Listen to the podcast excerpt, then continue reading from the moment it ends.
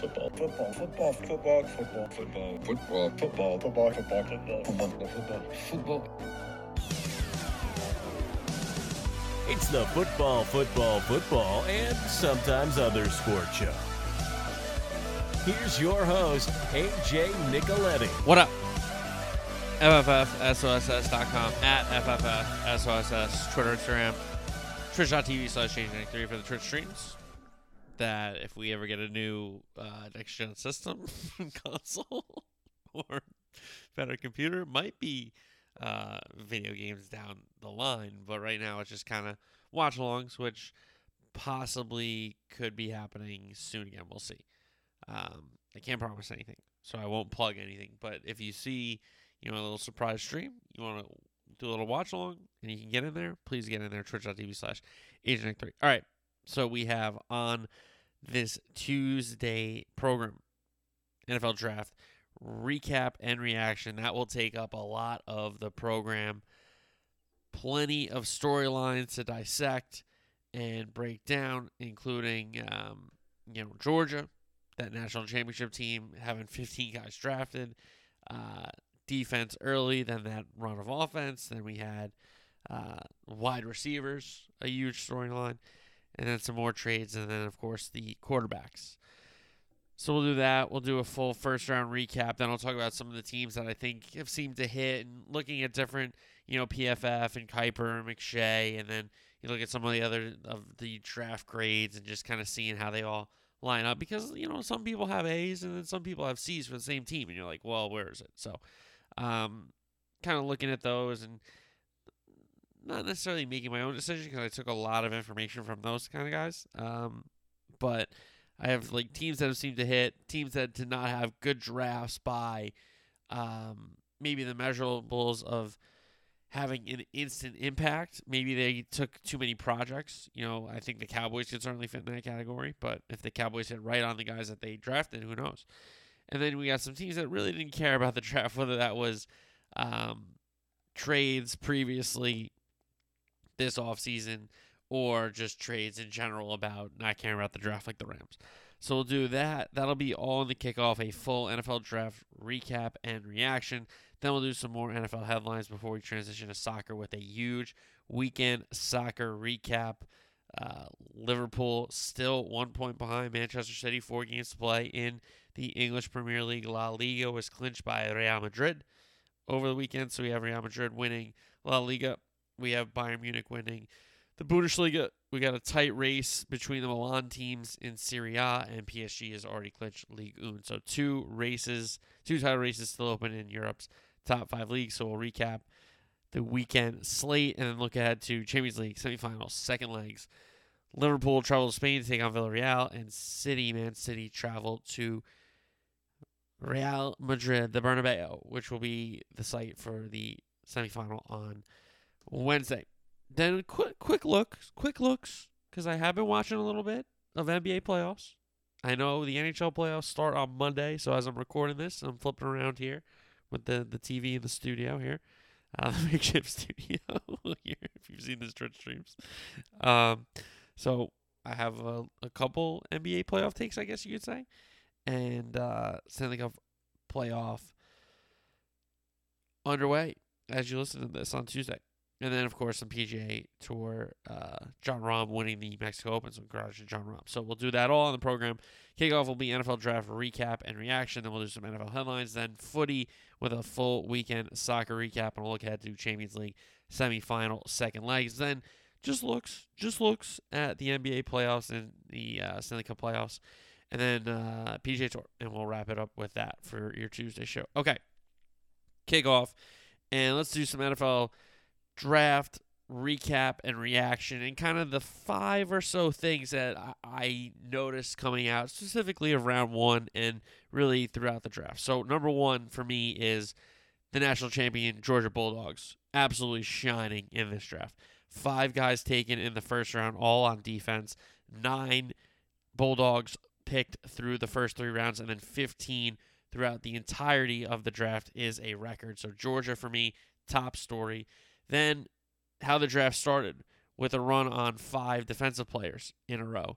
Then a run from 6 to 12 of all offense. So as the positions on each of the team's draft boards, you know, guys were getting picked off the top, and we're like, okay, well, we got to go get one of these guys. So that's really what happened in that top 12 with how the picks went. And then wide receivers between the six drafted in the first round and the two more traded, wide receiver is clearly the second most important position to a lot of GMs in this league.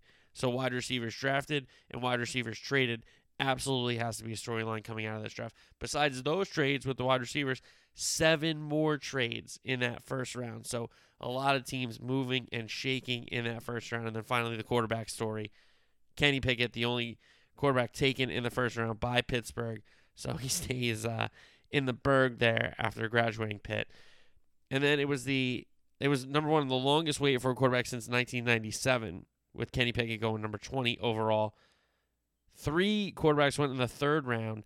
Desmond Ridder going at 74 to Atlanta. The second quarterback taken, that was the third latest time the second quarterback was taken that late in the common draft era. Then we had Malik Willis at 86 to Tennessee and Matt Corral at 94 to Carolina. So the big five there, and we'll dive into each of them. But those are the five storylines that you know I'm really focused on out of this NFL draft. Okay, so let's go back to this Georgia uh, Bulldogs national championship team what a team, number one.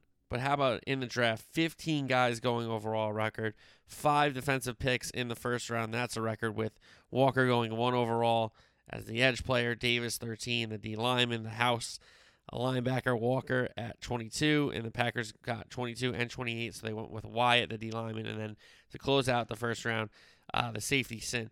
So then that was the first round of Georgia Bulldogs. Then we had not uh four more throughout rounds two and three, and then 15 total.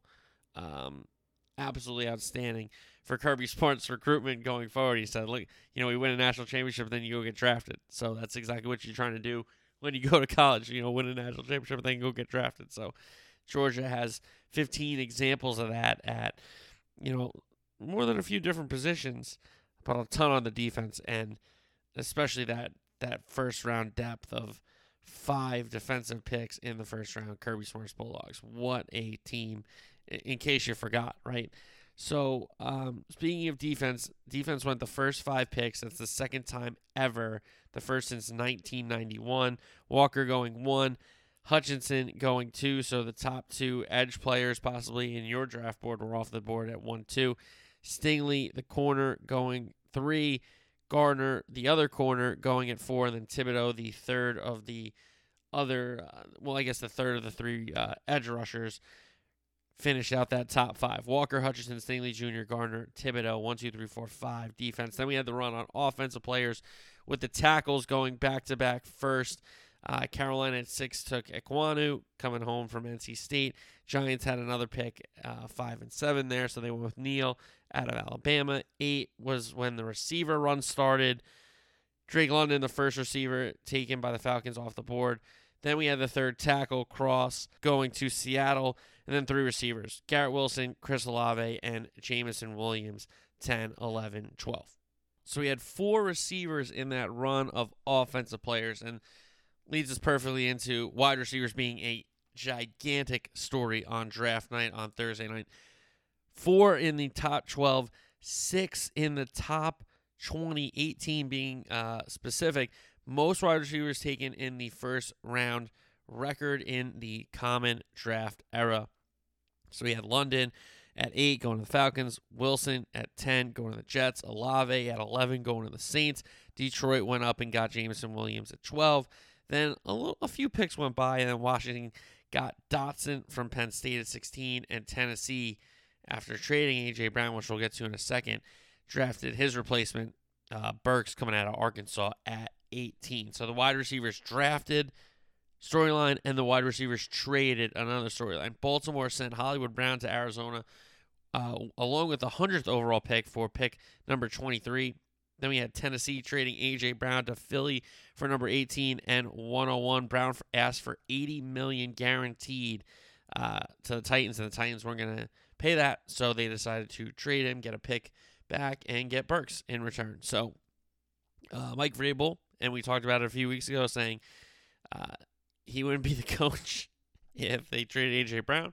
Well, unfortunately, Coach Vrabel, sometimes these things are out of your control. So AJ Brown going to Philly. Philly gets a big weapon for Jalen Hurts, and for Baltimore, uh, they send Hollywood Brown for picks, and Baltimore does what they do, which we'll get to in a little bit, and which is draft really well and uh, hit on a lot of guys that, and that become starters for them. So Hollywood Brown, expendable, didn't feel like he fit the system anymore, and he reunites with one of his college quarterbacks in Kyler Murray in Arizona, and that dynamic duo. If you go watch that YouTube highlight reel, which I did on Thursday night, was like, wow, these two are back together. Look out on the go ball. So Hollywood Brown and AJ Brown, no relation, both traded on Thursday night. Those two joined the already um, four other wide receiver trades, two other ones invo- uh, involving first round picks, and the Tyreek Hill going to Miami from Kansas City deal, and then Davante Adams going from Green Bay to Vegas. Amari Cooper and Allen Robinson also traded uh, over this offseason, a total of six wide receivers traded. So we had wide receivers drafted, we had wide receivers traded, and then we had some trades besides the wide receiver trades. So the Saints traded up from 16 overall to get to 11. They sent Washington 16, 98, and 120. The Lions traded up from 32 to get to 12 uh, and 46. They sent 32, 34, and 66. Eagles went up two spots from um, 15 to 13 with Houston. They give Houston 15, 124, 162, and 166. Chiefs traded up to 21. They sent New England 29, 94, and 121. Buffalo traded up to 23. They sent Baltimore 25 and 130. The Jets traded back into the first round after having 4 and 10. They traded in for 26 and 101 overall and sent Tennessee 35 69 nice 163 and then the Jags also traded back in to the first round for 27 overall they sent Tampa 33, 106, and 180. So a lot of trades happening on that Thursday night. And we had to wait a while for a quarterback. And Kenny Pickett was the first quarterback off the board at 20 overall to Pittsburgh. So the Pittsburgh Panther becomes the Pittsburgh Steeler, the Jersey Shore kid. Shout out to Jay Shore. Um, listen, I, I said he out of the guys that I, are in this class, he can start for you, you know, and win games possibly, but I don't know what he develops into. I don't think he has the highest ceiling, but he is the most NFL ready out of the guys coming out, in my opinion. So he's going to compete against Mitch for that Steeler job, and I wouldn't doubt if Kenny wins that job.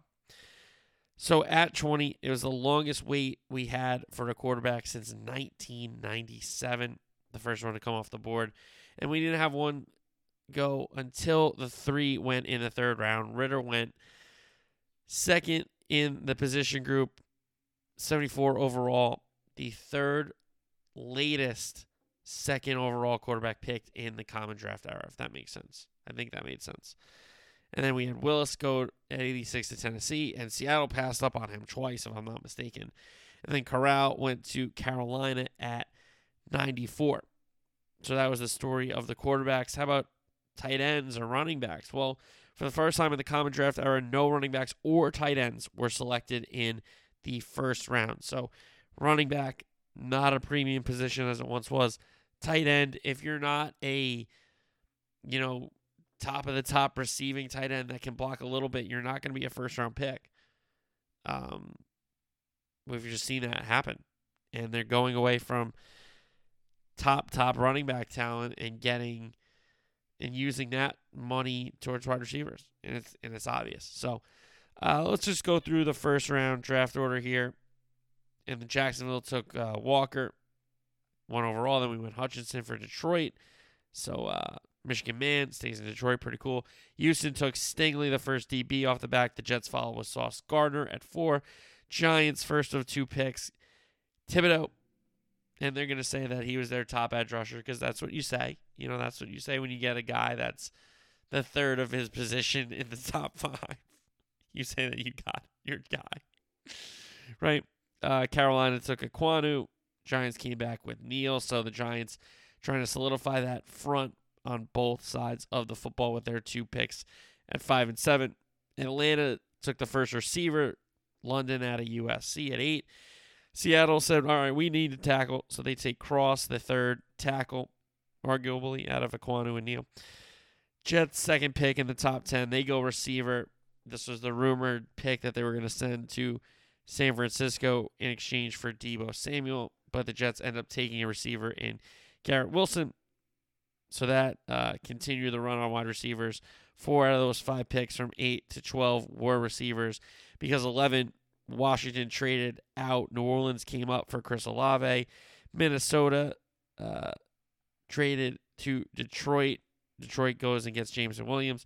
Houston traded out to Philly. Philly came up and got uh, Davis, the D tackle from Georgia. So then we had another couple defensive guys go. Baltimore at 14 got maybe one of the better players in the draft in uh, Hamilton coming out of Notre Dame, the safety there. Philly then, uh, in exchange for 13, they sent 15 to Houston, who take Green. 16, New Orleans took. Uh, New Orleans sent that pick to Washington when they traded up for Olave. Washington takes Dotson there at 16. Chargers get a little help for Herbert. Johnson's an offensive interior lineman. 18, Philly traded to Tennessee for A.J. Brown. Tennessee took Burks. New Orleans at 19 take Penning, FCS kid, offensive tackle. They see being him, uh, him being a starter for them. Pickett again at 20. 21, New England trades out, of course. New England never really picks in the first round without trading. Kansas City comes up for McDuffie. Green Bay takes uh, Walker with their first of two picks at 22. 23 was Arizona, but they traded Baltimore in exchange for Hollywood Brown. Then Baltimore said, We'll trade this pick. It wasn't ours originally, so we'll get some value out of it. Buffalo says, We'll take 23 and take Elam, the DB out of Florida. Dallas stayed put at 24 and took uh, Tyler Smith, who could play guard, could play tackle, uh, coming out of Tulsa there, 24. 25 was Baltimore, who took Linderbaum. So a lot of people, big fans of the Baltimore draft, which I am with their first two picks of Hamilton and Linderbaum. Like a lot of people saying Linderbaum might be the best offensive lineman in this draft, even with the tackles. 26, that's where the Jets traded back in uh, with Tennessee. That got Jermaine Johnson, the edge player, maybe the fourth graded one in this in this draft. Tampa traded to Jacksonville. Jacksonville takes Lloyd, the linebacker. Wyatt uh, was Green Bay's second first round pick at 28. Kansas City, when they went up to 21, sent 29 to New England, and they take Strange, the offensive lineman, who's also an FCS. So Penning and Strange. I think that's the first time two FCS guys have gone in the first round, if I'm not mistaken. KC with their second pick takes uh, Karlaftis, who a lot of people were very high on coming off the edge. And then we had two DBs to end the draft in that first round. Cincinnati took Hill out of Michigan at 31, and Detroit sent 32 to Minnesota, and they take Cine the fi- the fifth of uh, five UGA defensive players taken in that first round. So teams and, and you know I don't know as much as I used to about the you know the fifth and sixth, seventh round guys. You know if I don't really watch your team or watch your conference, I don't really know who they are because I don't like the combine. To be honest with you, I like to see tape and watch players play, but that's just me. That's why like a guy like um, Nakobe Dean falls to the third round, and I think he might be the best defensive player in the draft. So that's just me. Uh, I'm clearly wrong about that, but whatever. So I think teams that um, seem to hit the Ravens always draft really well, and they also picked up a a, Jabo who's hurt himself at the pro day, might be out for a significant amount of time, but he's a he's a he's a pro. He's a really good player. So um, I think the Ravens hit. The Jets did really well, and you know Saleh downplaying the fact that the Jets are getting some credit for a draft because they usually don't get any credit for a draft because they don't draft well, right? So um, Jets seem to have hit. The Giants did well at five and seven, and they got some other players at the end of their uh, draft board as well. I think the Eagles, you know, not only getting AJ Brown, getting a couple Georgia Bulldogs and Dean, and um, Davis. They got players, man. They're getting players, and um, you got to give the Eagles a ton of credit. I like the Lions draft. The Lions are building an offense that if Jared Goff is right, he succeeds with. They're they're doing the things that the Rams did when Jared was successful when he was still developing with McVay. And McVay was developing as an offensive guy. And yes, McVay developed a little faster than Jared did in the sense of play calling and offensive development and all this kind of stuff because he was at an advanced level when Jared wasn't there yet.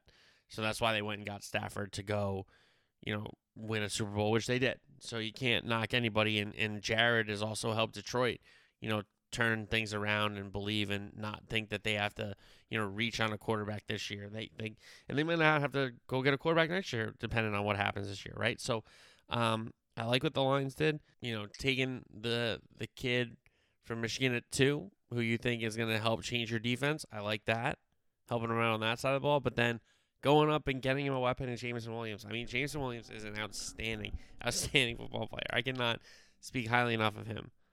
I loved watching Bama. I always love watching Bama because Saban has has his guys so well coached and they're so fine tuned and stuff like that. So it's it's a joy to watch them kind of play the game. But Jameson Williams, oh my God, I loved watching him play. So I liked what the Lions did. You know, they're trying to set Jared up to succeed. Like the Eagles are trying to set Jalen Hurts up to succeed. Um, like the Giants, if they hit on a lot of these offensive linemen, are trying to help Daniel Jones succeed. They signed Gall- Golladay. So it's not like these teams are doing some of the things in the past, which was, okay, draft a quarterback and just hope that he's the guy and just, you know, spend money and do other things elsewhere and not try to help him develop, but have him make your other players better. They're not there yet, a lot of quarterbacks coming out to, to kind of point guard an offense and make everybody better. At some point, they can be, but early in their careers, they need their weapons to help them out more. Whether that's make a tough catch, whether that's um, you know, break off a route on a miscommunication when they know they're in the right, the right and they, you know, the quarterback's in the wrong, but they make a play on a ball, kind of a thing. You know, anything like that, little things. Um, and then the Jets, who, again, Saleh and um, the GM here, they don't want to get a, credit. They don't care about winning an off season. That doesn't matter to them, and I think that's the right attitude to have. So they they got to do the right things, you know, to continue to do the right things. And they've done all right in free agency, and they've done all right on two drafts so far, in my opinion. And the Ravens always do well. It seems like the Ravens always draft well. They always bring in stars. They always bring in playmakers. And yeah, they do lose a lot of players, but uh, to free agency and stuff like that. But they do hit on some bringing some guys in. So you know, it kind of cancels out year after year. Um, the Cowboys, to me, you can be like, well, what about your team, Major? I don't know if I love the draft. I don't know if I hate the draft. They certainly are taking the loss to San Francisco to heart. You know, getting some of the guys they've got. They really addressed offensive line, defensive line for sure. They drafted a receiver in the third round there to to help take or, or help you know take up some of those targets that are going to be left by Wilson and, and Amari Cooper. Slides into maybe that third role eventually or alongside CeeDee and Gallup there as the one two punch. Um, if Sam Williams can play, that's big. Coming off the edge, trying to replace Gregory. The linebacker they took out of LSU can't play this whole year. It reminds me a lot of Jaylon Smith. And Jaylon Smith early in his career made a lot of plays. You know, maybe the tire, like too much tread on the tires and he didn't come back from the, that injury at the best, but a lot of that kind of reminds me with this LSU linebacker. So we'll see what happens there. Um, so I don't want to like condemn the Cowboys because they have a lot of projects, but it, it's like they took a lot of project guys. So you can't really say it's a good or bad draft until they develop, kind of a thing. Whereas the Bears, Colts, and Pats, you know, Pats not so much, but I need to put a third team in this tier, kind of a thing. So the Pats, I don't really judge on drafts. I don't really judge them on anything because they don't deserve to be judged with Belichick. And what I'm getting at. But the Bears seem to not help themselves. Seem to not help Justin Fields, either getting, you know, a, a receiver that's high on people's draft boards. No, they're not going to get one of these top top guys unless they trade it in to the first round. But you know, either getting some linemen or getting a receiver or getting somebody that can help this guy somehow. No, they just continue to draft defense. That's just not their way. The Colts have some projects. You know, I just think a team that thinks they're in a win now because their division isn't that good yet. Jacksonville is a is a project and they're very very young. We know that. Tennessee is this kind of proven thing, but they just lost AJ Brown. You know, they're going to be relying on a lot of young guys at receiver, not a lot of proven guys at receiver with a guy Tannehill who needs receivers to help make some plays for him. We know about the running back in Henry in a, in a pretty solid enough defense, but you know that division and Houston is a project, of course. We know that. So really, it's been just Tennessee's by default, unless Indy wants to take it from them. Indy's got to be thinking if we had any better quarterback play last year, it could have been our division, and then what happens, you know?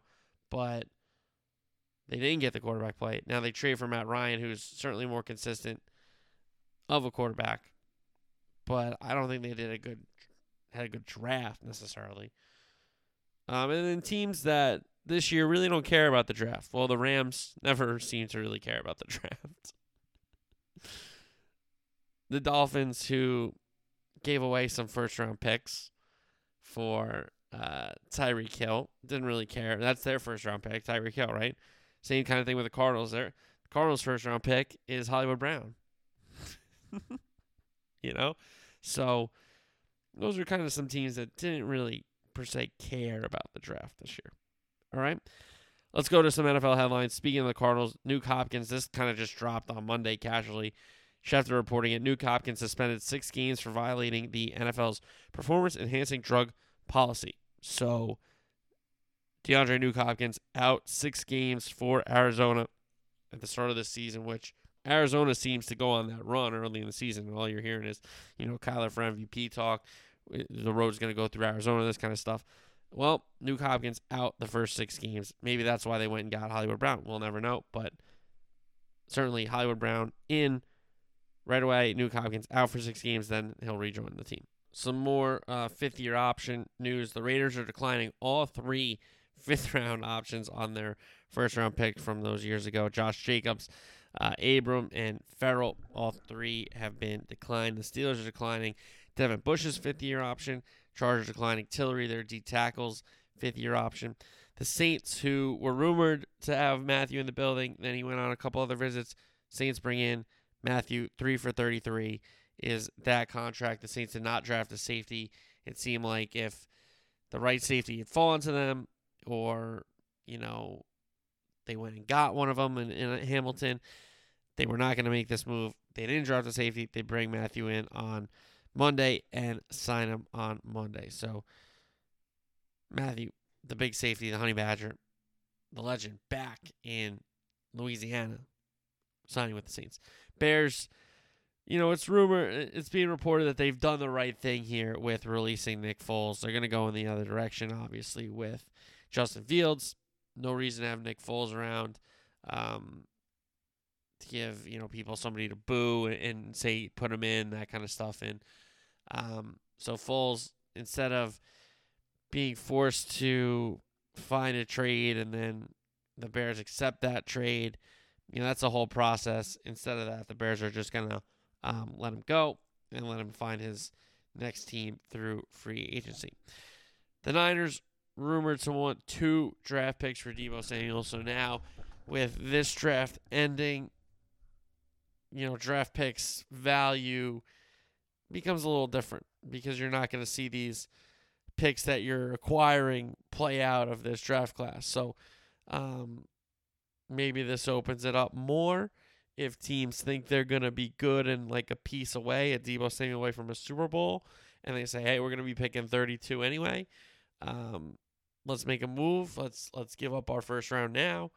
Um, so we didn't have to give up any capital that we were going to use for this season. So if the Niners do trade Deebo Samuel, which he seems like he's not going to play again for the Niners, from what we're seeing. And you had Beckham trolling that uh, New England has made a trade for Deebo. He tweeted it out. Yeah, right, dude. Um, but the Niners want two picks for Deebo Samuel, two first round picks. Colts view Matt Ryan as more of a long term, three year starter than a one year stopgap. So that's how you see the Colts viewing their situation with their window. And I think it makes sense because of what I alluded to uh, before when I was talking about the Colts draft, because the Colts are in this AFC South where the Titans have it, I don't want to say on lock, but it's been their division. Uh, Vrabel's been the best coach. He's been the best consistent coach. And yes, Tannehill hasn't been the best QB, you know, but he finds a way to get the job done. Henry's been great. Their defense isn't um, loaded, but they have some players that, that make plays and all this kind of stuff. So Tennessee has done really well in that division. And Jacksonville and Houston are both rebuilding. You know, they seem to be rebuilding often, but that's another argument for another day. And the Colts have should have been the Colts this entire time should have been this team that has been battling Tennessee and they just have not hit right on the quarterback since Andrew Luck. And that's not a knock on Phil Rivers necessarily because Phil um, was on his last legs and, you know, went to another team to try, but he knew it was kind of that was it. And then they miss on Wentz for sure. And now they're going with Matt Ryan. So the Colts view their window as okay, Jacksonville at one point, if Lawrence is the guy, they're going to get better. You know, Houston at some point is going to get a quarterback, especially if they're not good this year. They're going to get a quarterback next year in Hall or Stroud, whoever. And maybe he's the guy. So one of those teams is going to get really good. And it's going to take some time. And maybe we get our guy in the meantime, but we can compete and win this division and maybe shock somebody with Matt Ryan in this kind of three year window. Because Tennessee at some point is going to move on from Tannehill because he's not that good and it's not like he's getting better. At some point, you know, it's going to catch up with him, right? So Indy views this as okay, it's us in Tennessee three years until Jacksonville or Houston get good. This is our opportunity to win the divisions, you know, consistently at least with two teams out of the race. So that's how the Colts view their situation with Matt Ryan. Not a stopgap, but more of a three year starter um, and trying to win the divisions. Speaking of more quarterbacks, Pete Carroll says he's happy with the Seahawks QB room. And to me, them not drafting Malik Willis leans that they're going to go with Drew Lock or Geno Smith and say, hey, we don't care about this year. And they're going to set themselves up to try to draft somebody next year. Because if they did care, if they did think they were close, they would have gone went out and got a Baker Mayfield. You know, they would have tried harder to get a Matt Ryan. That kind of situation, you know? Um, but they don't do those things. They don't take Willis when it presented him. He presented himself to them a few times on day two, right? They didn't do that. And it seems like the Seahawks are one of these teams that's going to say, you know what, we'll we'll just play this year out because they look at their division. You know, similar to the Colts, you, you have to look at your division and where you are and how how consistent can you be contending for that number one spot to win your division uh, in this short term, long term, that kind of stuff, right? So Seattle looks around. San Francisco just went to the title game. They've gone through Super Bowl recently. The Rams just won the Super Bowl. And Arizona is on this climb and path upwards, right? You got to give them credit. So Seahawks look around and say, hey, we're probably going to stink. Why are we going to give up assets for Baker Mayfield? You know, why are we going to give up assets to go get one of these other quarterbacks when we should just sit and not do any of those things? So I don't necessarily blame them at all. But to say he's happy with his quarterback room, I don't know if he knows what that word means. So, all right, let's go uh, from NFL to footy. Weekend soccer recap starting the EPL. Man U and Chelsea on Thursday. Marcos Alonso opened scoring near the hour mark for Chelsea, who deserved uh, to be ahead. Alonso left wing back, another goal for him this year. But then it was that man, Cristiano Ronaldo, his eighth goal in five games at this point, gets the equalizer for Man U and the points split at Old Trafford over the weekend. Newcastle and Liverpool first up at St. James Park. St. James Park was rocking, but it was a Naby Keita goal off a 1 2 from Diogo Jota, where Naby dribbled the goalie and slotted it in past the staggering uh, back to their goal line Newcastle defense. Ball won fairly and cleanly by James Milner. Tough tackle, but he won the ball. Um, that led to the Naby Keita goal. That's all Liverpool needed. Kept the clean sheet. They won 1 0. Villa and Norwich. Villa win it 2 0. Ollie Watkins on a long ball. Great control and great um, composure to find the net there. Danny Ings added a second. Norwich officially going down, relegated to the championship. Southampton and Crystal Palace. Southampton were up 1 0 off a first half goal. Ward Prowse corner, Romeu header. Then in the second half, Eze, who's been fighting off being injured and unfit all season, left footed equalizer off a Nathan uh, Nate Clyne cross, and then Zaha off the bench, stoppage time winner as he rolls the defender, and uh, his finish goes off the post and in. Crystal Palace win it 2 1. Vieira's men. Another good result. Watford and Burnley. Watford most likely going down, but this was a big six pointer for them if they had uh, won the match. They did get the first goal, own goal. Uh, ball off Tarkowski and into the net. So Watford led 1 0. And then it was kind of a late, late show for Burnley with a goal in the 84th minute, I believe. Jack Cork equalizer, and then a goal in the 86th minute to take the lead. It was Brownhill uh, off a Vydra layoff off a second phase of a set piece. So Burnley win again. Another win for Burnley as they try to climb out of this relegation fight um, in relegation zone. Brighton dominate Wolves at the Molineux. Brighton win a 3 0. McAllister PK, second chance added after uh, infraction, encroachment on Wolves. Trossard got a second for Brighton, and Busoma wrapped it up with Brighton's third. The Seagulls dominant at the Molineux.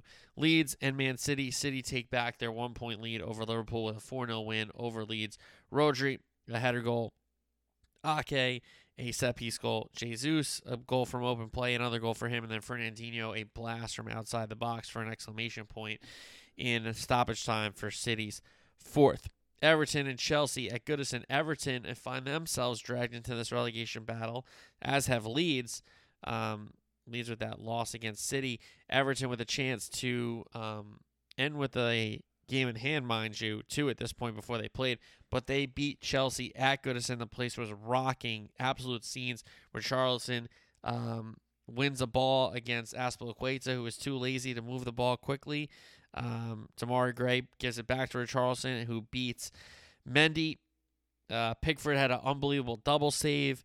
Um, the the asshousery, as they call it over there, was on with the fans hiding the ball from Chelsea and Reece James at the end of the match there, looking for the throw in. But Everton, a huge, huge result 1 0 over Chelsea.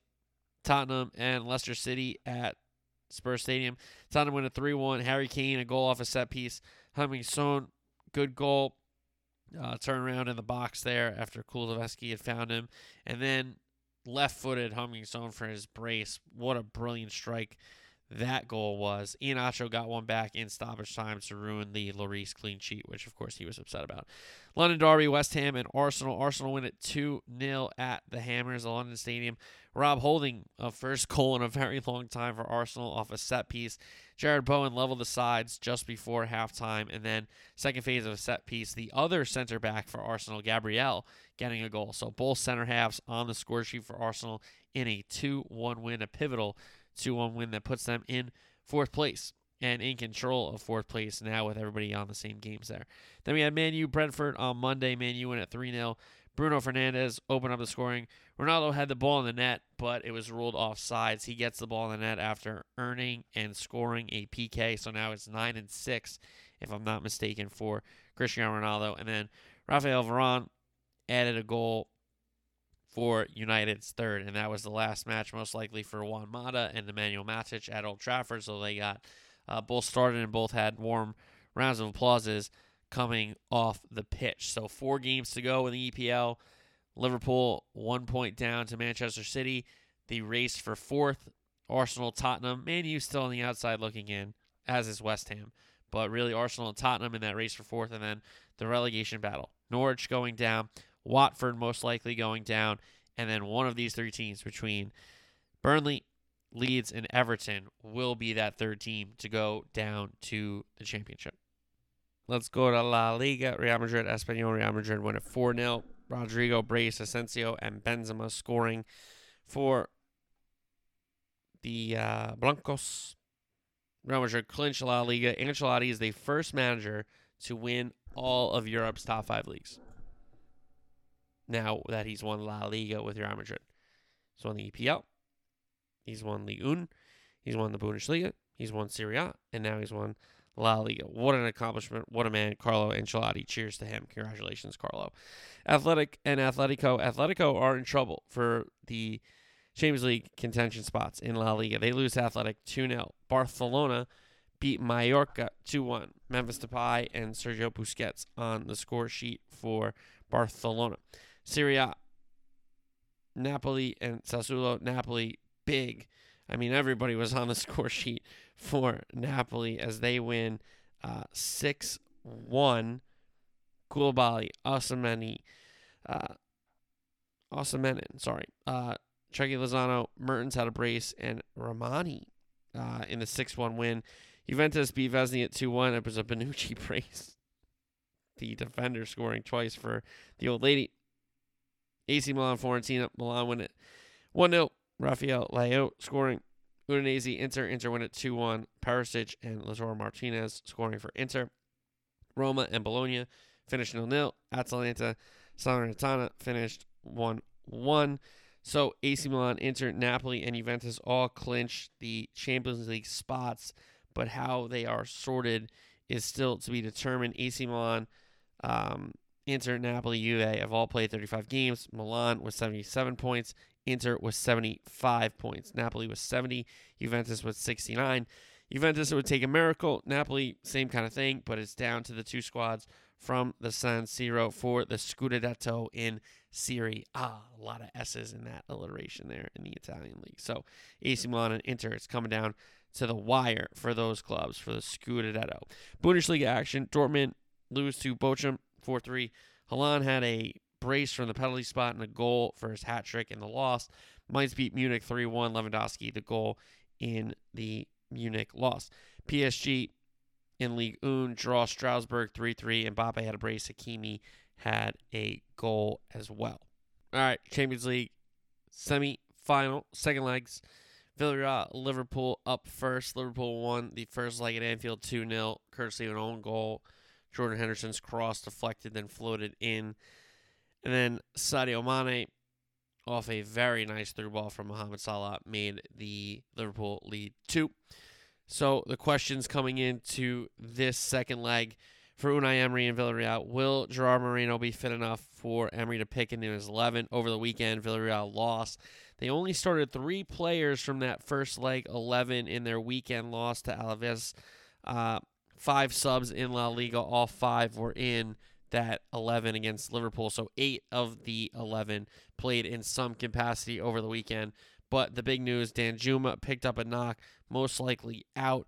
And then concerns for Emery's longtime veteran on the back line, Albiol, and then in the midfield, Coquelin.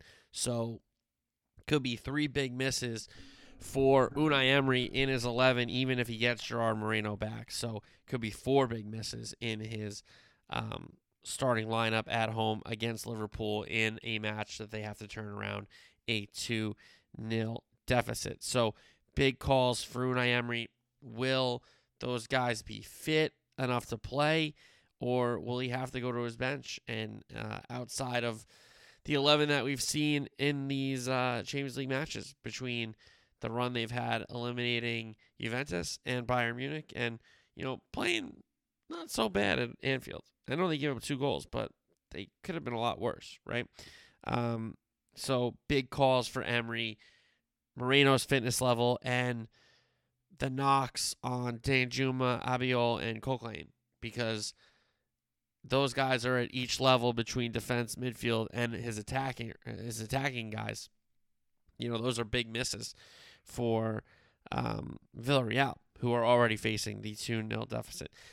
As for Jurgen Klopp's Reds, it's the same calls as the first leg. Who's alongside Virgil van Dijk at center back between Konate and Matip. My guess would be Konate again, who seems to be the Champions League center back, whereas Matip seems to be the Premier League center back.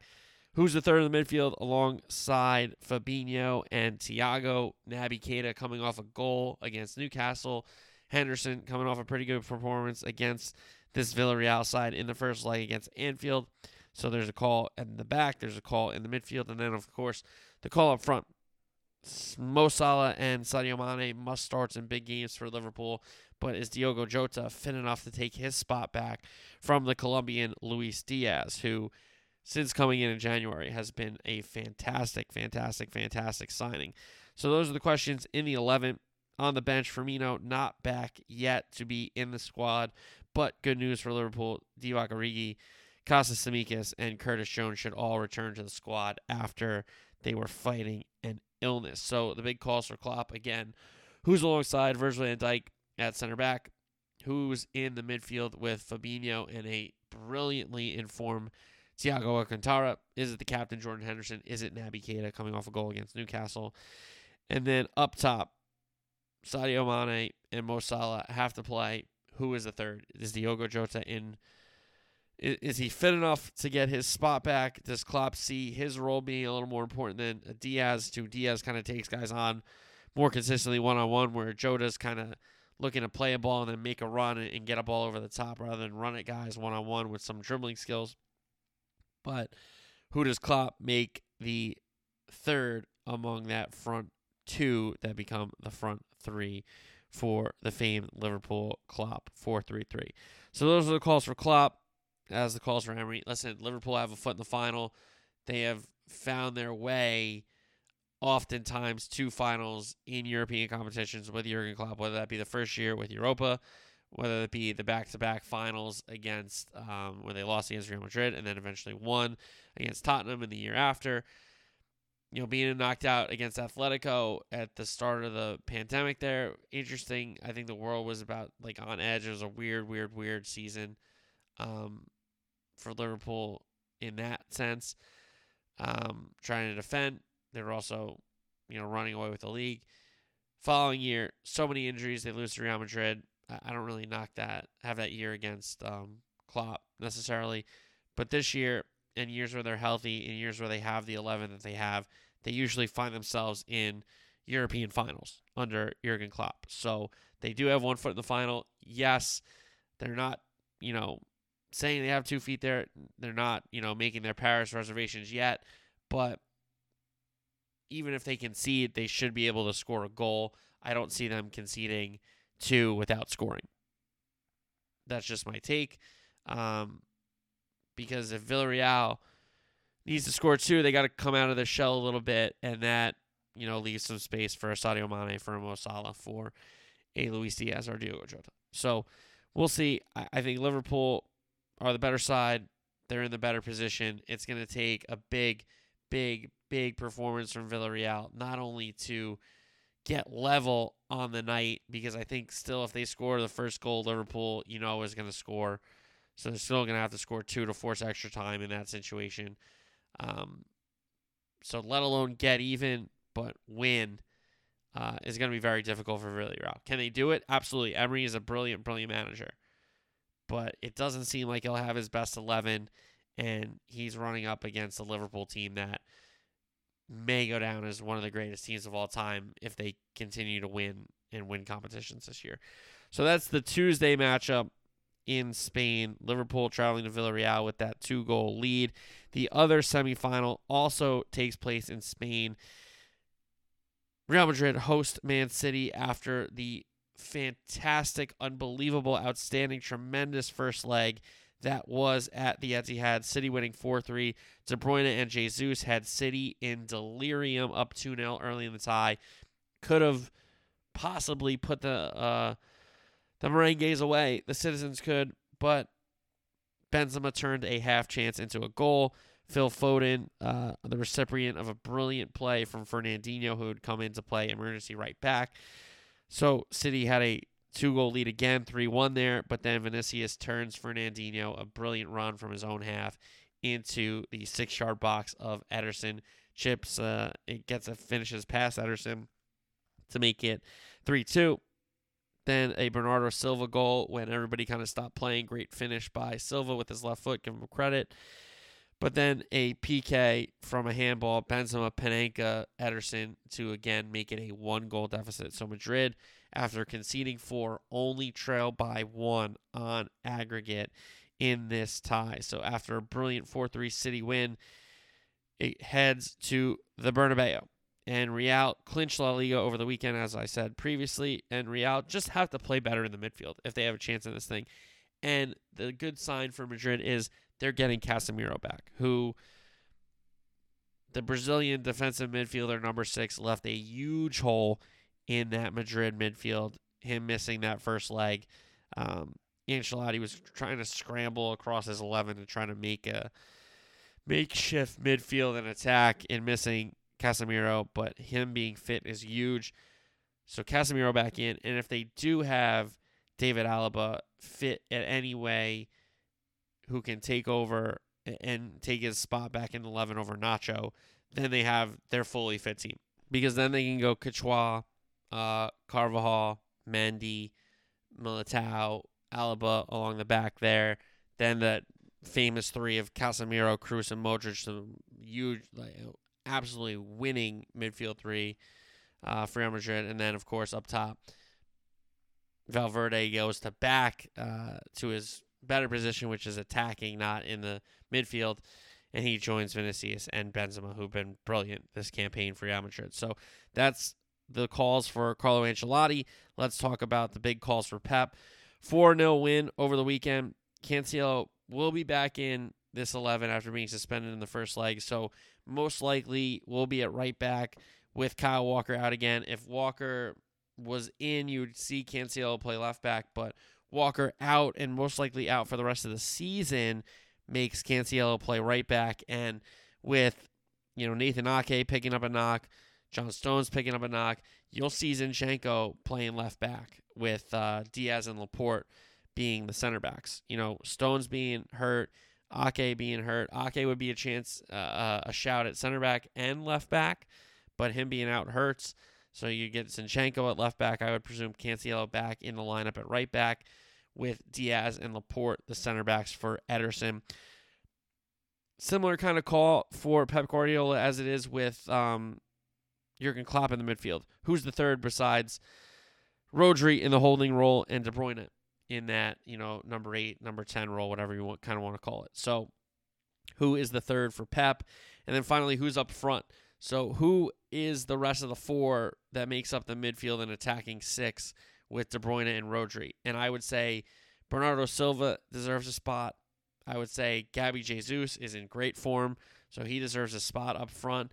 And then I would say, you know, he plays Foden, and Foden deserves to play. And then Mahrez has been a guy that has created chances, scored goals for you since coming into the side, you know, and you sold Leroy Sané because you got Riyad Mahrez, right? You didn't need Sané anymore. So I'll say this. I would think it's Rodri, De Bruyne, Bernardo Silva midfield, Foden, Jesus, Mahrez front three with a Sterling coming in as a substitute and maybe a Grealish. But that would be the call. If I was Pep Guardiola, uh, Jesus is in really, really good form. Um, Bernardo Silva scoring in the first leg. Riyad Mahrez had some big chances in the first leg, also had some assists in the first leg. So those would be the calls for me if I was Pep Guardiola, what I would make. Now, City and Pep specifically in this competition have been known to overthink, have been known to choke a little bit in this spot. I don't know if necessarily it would be a choke against Real Madrid because Real Madrid are that capable and they are in the tie, only down one goal from the first leg. The Bernabeu will be rocking. Um, at any moment, Real Madrid could turn this thing around with a goal, and then it's even all of a sudden. So City will have to score first, but City will have to defend better than they did. And we know Real Madrid's going to defend better because they have Casemiro back. So we know one side is going to get better because they're at home and they get their number six back in Casemiro. Whereas Man City, with the pressure, goes away from home, and let's see what they're made of again. And at every point of the season, they've answered, you know, the call. So let's see what they can do in a Champions League semifinal. Can they make the final for two years in a row? And wouldn't it be something if Liverpool advance on Tuesday and Manchester City find a way to advance on Wednesday and the Champions League final is in Paris between Manchester City and Liverpool after they fought it out all season long in four competitions. How fitting would that be? So that is our Champions League semifinal, second leg uh, previews and projections. Quick update on the NBA playoffs and uh, Stanley Cup playoffs before we get golf and get you out of here. NBA playoffs: Bucks beat the Celtics in Game One in Boston, and Giannis is outstanding. I mean, what a player he is. Yeah, does he shoot it? No, he doesn't have to shoot it. And if the Celtics are going to shoot that poorly from three, they don't have a prayer in this series. Celtics have to shoot it because the Celtics bigs are not good as good as the Bucks bigs.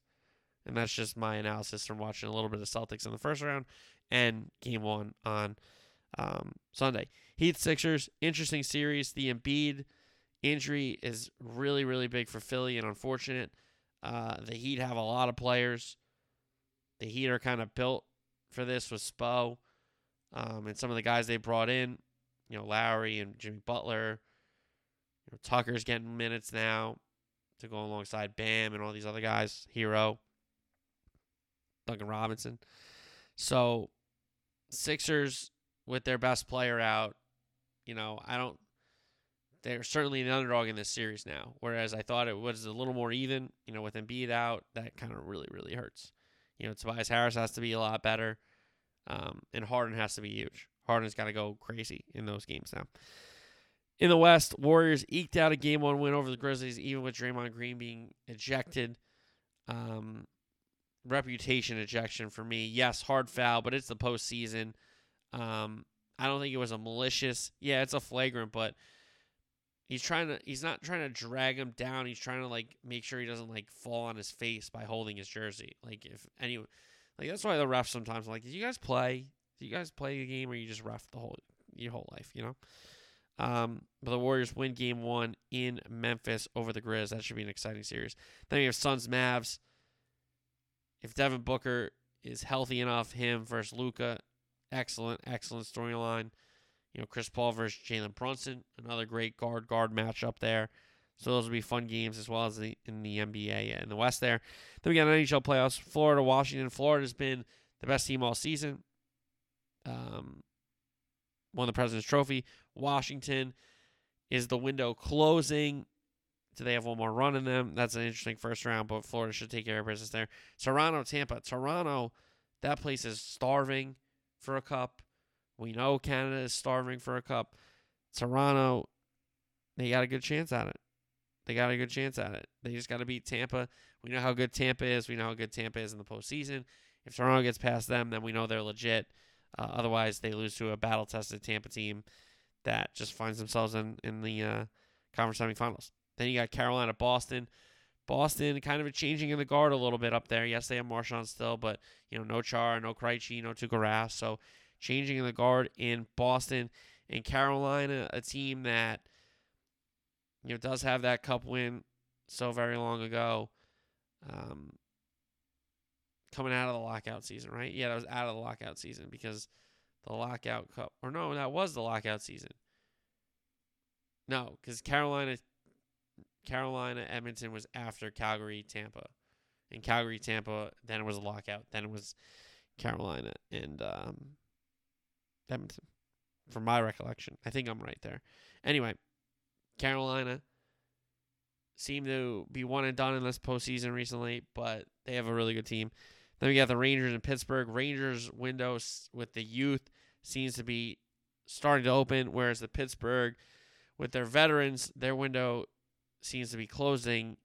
Crosby and Malkin and that team, how many runs do they have left? Is this one of the runs they have left? Western Conference, Colorado, Nashville. Colorado has a chance to exercise some demons. You know, no uh, Knights in this postseason, which is big for them. That was a big uh, thorn in their sides, the Avs. But the Avs have a really good team. Yeah, Nashville has a little postseason pedigree, but they should be able to take care of Nashville. Minnesota St. Louis should be a really fun series from what I've been reading. Calgary Dallas. My guy Seguin down in Dallas. Great player. Calgary has three 40 goal scorers, if I'm not mistaken. Shout out Johnny Gaudreau. Tkachuk also there. So that's an exciting series. And then Edmonton, LA. You know, LA won those cups, you know, struggled a little bit, and now it seems like they're back. But Edmonton, you know, McDavid and Draisaitl, those are two really, really great players. Really, really great players. And then we got some golf. Jon Rahm wins the Mexico Open. Congratulations to Jon Rahm. Uh, that's big for the sport down there, getting a Spanish speaker to win that tournament. I'm sure that's really cool for everybody involved. Um, so it's uh, exciting stuff in the PGA Tour. So, all right. Thursday show, Champions League semifinal, second leg recaps. We will know who's playing for the Champions League final in Paris on Thursday's show. I'm sure there'll be some more NFL headlines, and then we'll look ahead to weekend soccer. So plenty of footy. Get into the game if you're not. I'll talk to you Thursday. Till then, peace.